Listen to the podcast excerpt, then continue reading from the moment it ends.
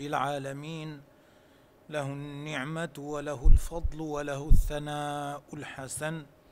صلوات ربي وسلامه على سيدنا محمد وعلى آله وصحبه الطيبين الطاهرين. الله أسأل أن يوفقني ويوفقكم لما يحبه ويرضاه وأن يجعل نياتنا خالصة لوجهه. كلامنا إن شاء الله سيكون حول سادس على سادس الأحاديث من الأربعين النووية. الحديث السادس عن أبي عبد الله النعمان بن بشير رضي الله عنهما. قال رضي الله عنهما لأن النعمان ووالده صحابيان والنعمان أول مولود ولد للأنصار بعد الهجرة. كما أن عبد الله بن الزبير أول مولود ولد للمهاجرين بعد الهجرة. قدم الشام وعاش مدة من حياته في معرة النعمان ودفن فيها أحد أولاده ولهذا نسبت إليه. لهذا سميت معرة النعمان نسبة إليه. توفي في قرية من قرى حمص سنة أربع وستين للهجرة. نعم امضي.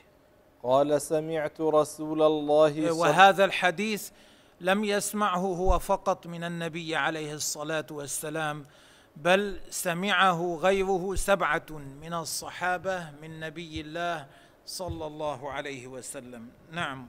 قال سمعت رسول الله صلى الله عليه وسلم يقول إن الحلال بين. إن الحلال بين.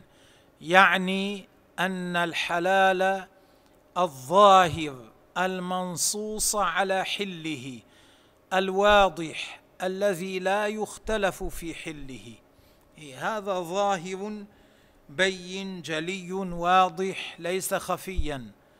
كجواز أكل الطيبات من الزروع والثمار والأنعام كلبس ما يحتاج إليه من القطن والكتان والشعر والصوف كالزواج والبيع والشراء على الوجه الذي أحله الشرع إلى آخره.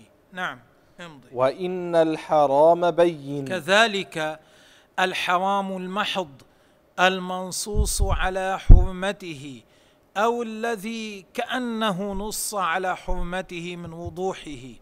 هذا واضح بين معلوم لكل أحد جلي لا خفاء فيه.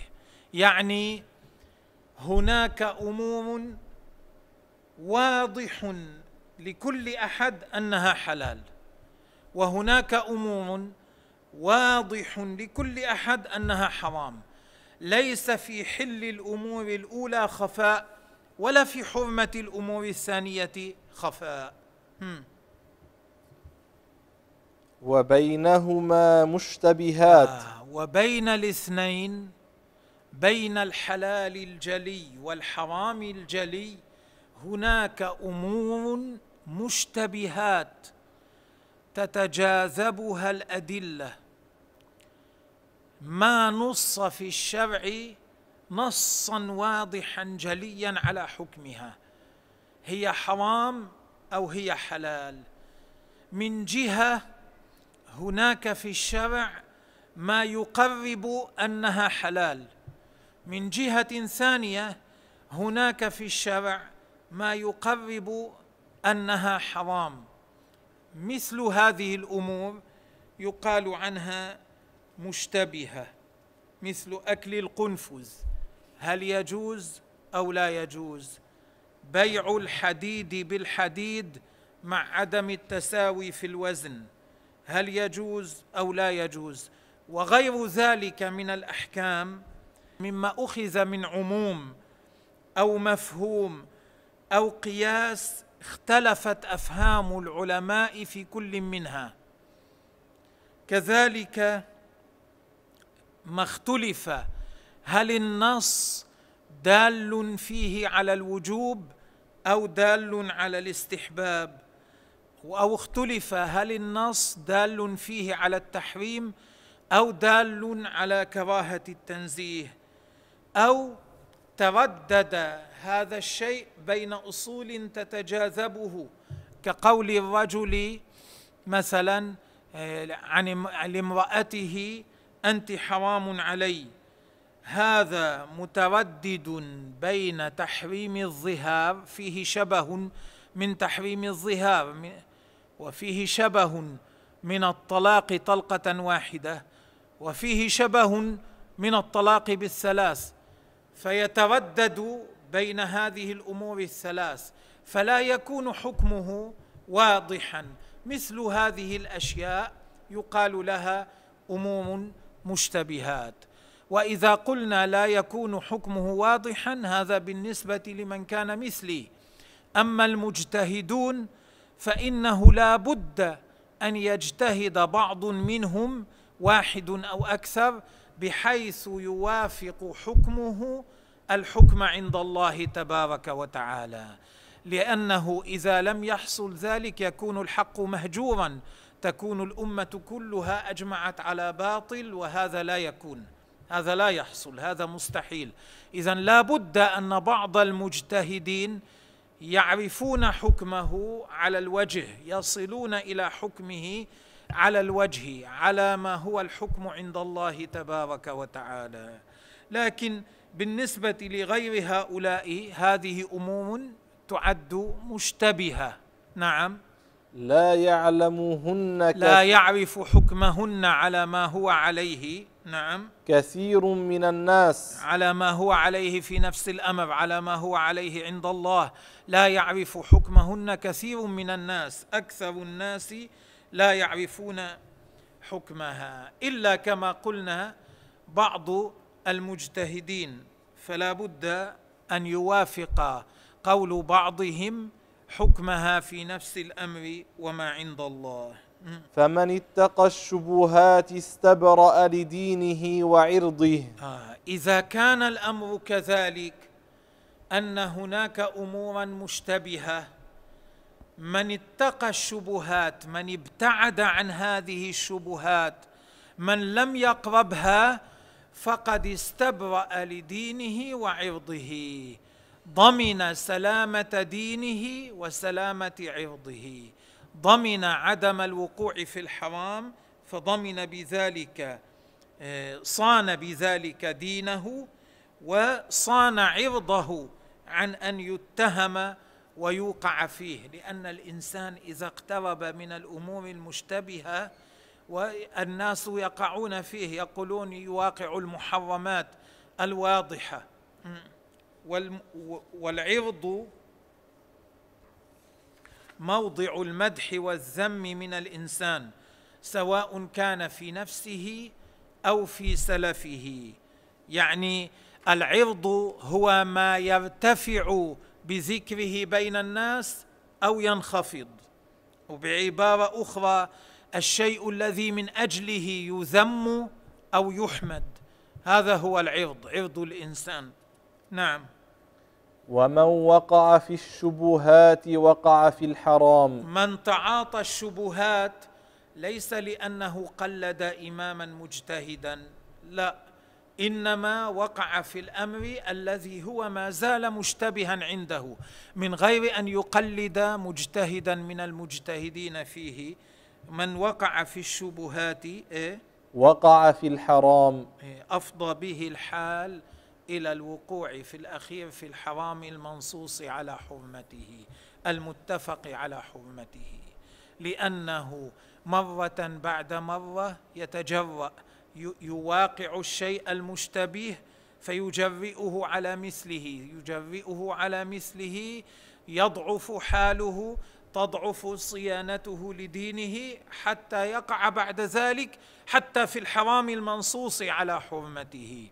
والمطلوب من الإنسان أنه إذا عرف حكم هذا الأمر في الدين أنه جائز يجوز له فعله. إذا عرف أن مجتهدا من المجتهدين قال بجوازه وقلد هذا المجتهد يجوز له فعله. أما إذا لم يعلم حكمه في الدين لا يجوز له الإقدام عليه. لا يجوز للشخص أن يدخل في شيء حتى يعلم ما أحل الله منه وما حرم. ليس أنه يقول أنا لا أعرف حكم هذا الأمر لا أعرف أنه حرام. اذا أفعله. لا لا أعرف ما حكمه ما حكمه. اذا لا أقترب منه أبتعد منه لأنه لا يجوز أن يدخل الإنسان في شيء حتى يعلم ما أحل الله منه وما حرم. وفي رواية عند البخاري ومسلم لهذا الحديث ومن اجترأ على ما يشك فيه من الإثم أوشك أن يواقع ما استبان. يعني الذي يتجرأ أن يفعل ما يشك هل هو حرام أو لا بعد مدة سيواقع صار قريبا من أن يفعل الحرام الظاهر أنه حرام. الذي يعلم انه حرام لأن الإنسان بمواقعة الشبهة بعد الشبهة المرة بعد المرة يظلم عليه قلبه وإذا أظلم عليه قلبه تجرأ على المحرمات الواضحة والعياذ بالله تعالى. وأنت ترى أن النبي عليه الصلاة والسلام قال وبينهما أمور مشتبهات. ثم قال ومن وقع في الشبهات لاحظ أنه عليه الصلاة والسلام استعمل جمع المؤنث السالم والجمع السالم في الأصل يدل على القلة. معناه إذا واقع الأمور المشتبهة لو مرات قليلة فإن هذا يؤثر في قلبه فيوشك أن يقع في الحرام الظاهر. معنى هذا أن أن يبتعد الإنسان عن الأمور المشتبهة حتى يعلم حكم الله تعالى في هذا الأمر. فإذا عرف أنه جائز فعله إن أراد وإذا عرف أنه حرام تركه ولم يقربه. نعم. كالراعي يرعى حول الحمى يوشك ومن هنا يعلم أنه لا يجوز أن يتتبع الإنسان رخص العلماء رخص المجتهدين من غير أن يكون عارفا بشروطهم وما قالوه ما شرطوه في هذا يعني أحيانا بعض الناس يقول أنا آخذ في هذا الأمر بمذهب مالك مذهب مالك أسهل في هذا ولكن لا يكون عارفا ماذا يقول مالك من الشروط في هذا الأمر ما هي. ما الذي ينبغي أن يفعله حتى يجوز له أن يأخذ بمذهب مالك في هذا الأمر. إيه هذا ليس له أن يدخل في هذا الأمر حتى يعلم ذلك. نعم امضي.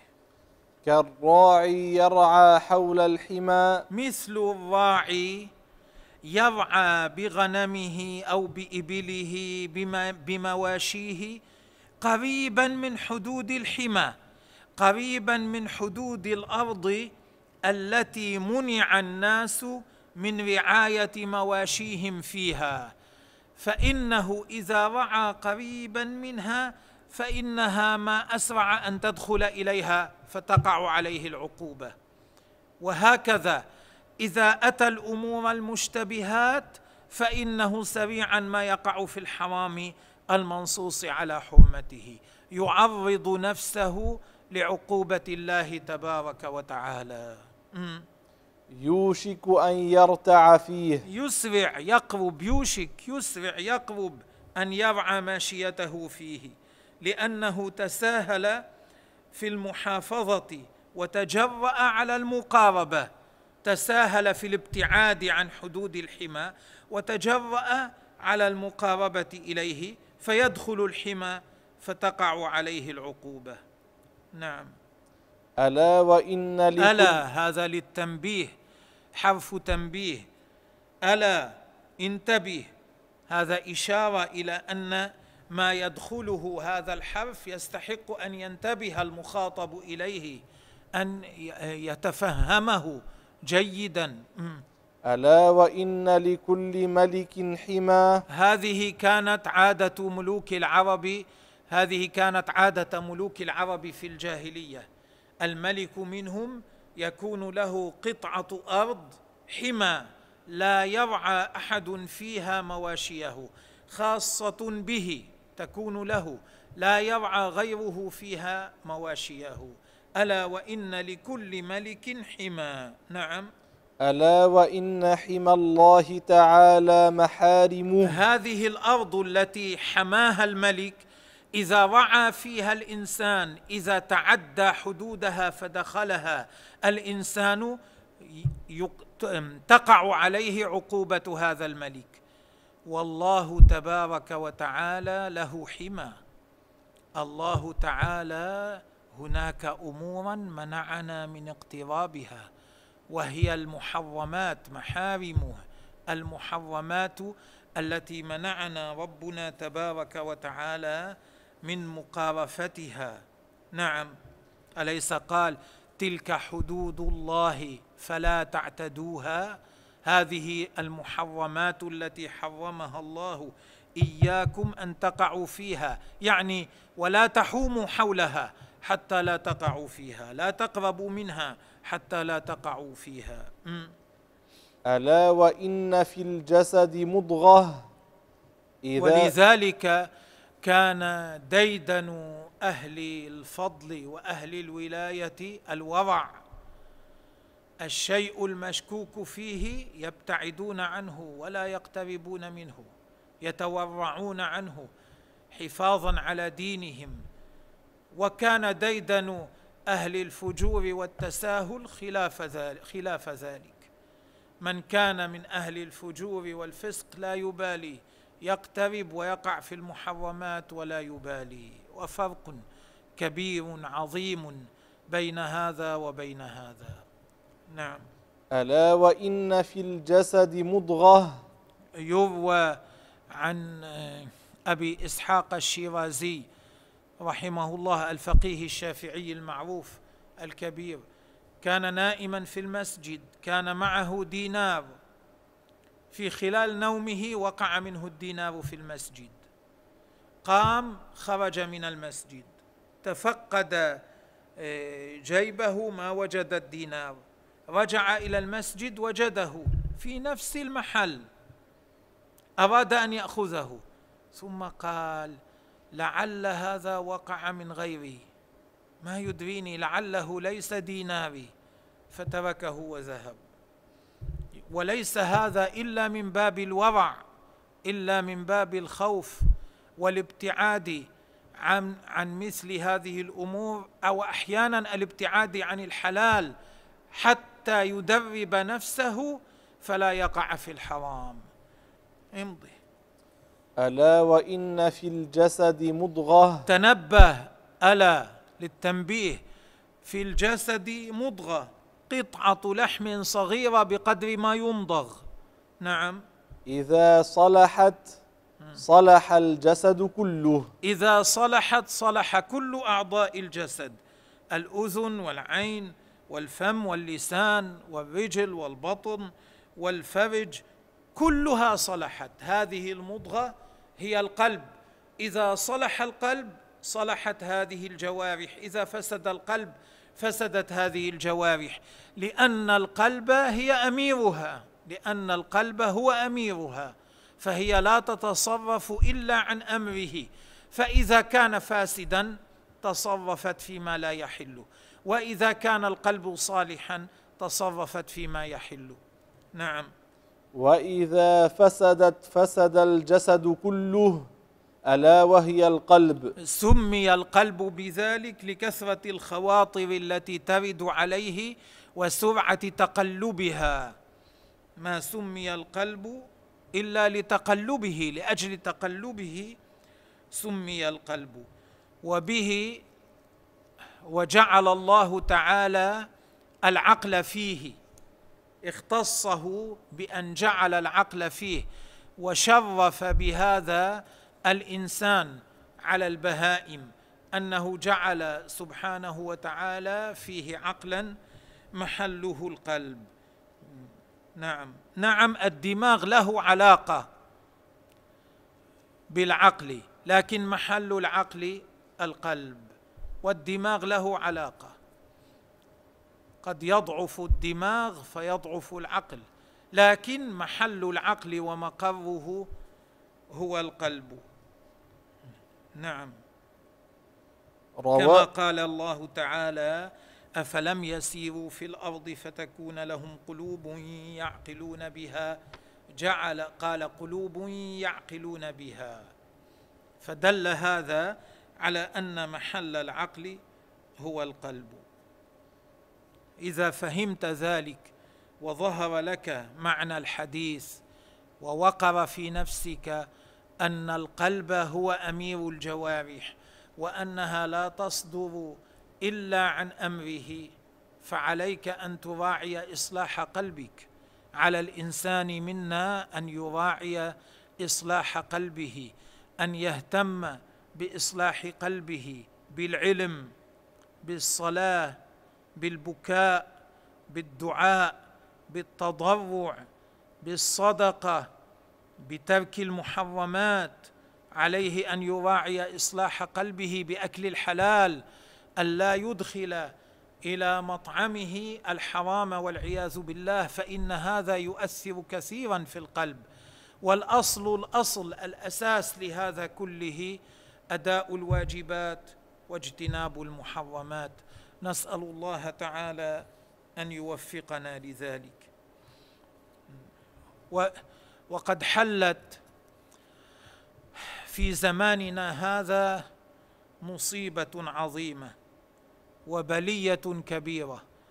أليس قلنا ينبغي أن يهتم بمكسبه مطعمه أن يكون حلالا؟ في زماننا هذا صار أصعب بكثير من الأزمان الماضية. أن تجد الحلال الذي لا شبهة فيه. لماذا؟ لأنه في زماننا انتشرت المعاملات البنكية انتشرت البنوك في أنحاء الأرض وانتشرت المعاملات الربوية وصارت المعاملة بالبنوك حتى من الدول. الدول لها بنوك تتعامل بها كما أن الأفراد لهم بنوك يتعاملون بها. وصارت كثير من وصار كثير من المعاملات التجارية إنما يمر من طريق هذه البنوك. لذلك قل الحلال الصرف في أيامنا عما كان قبل. وهذا سبب من أسباب قلة التقوى بالنسبة إلى الأزمان الماضية.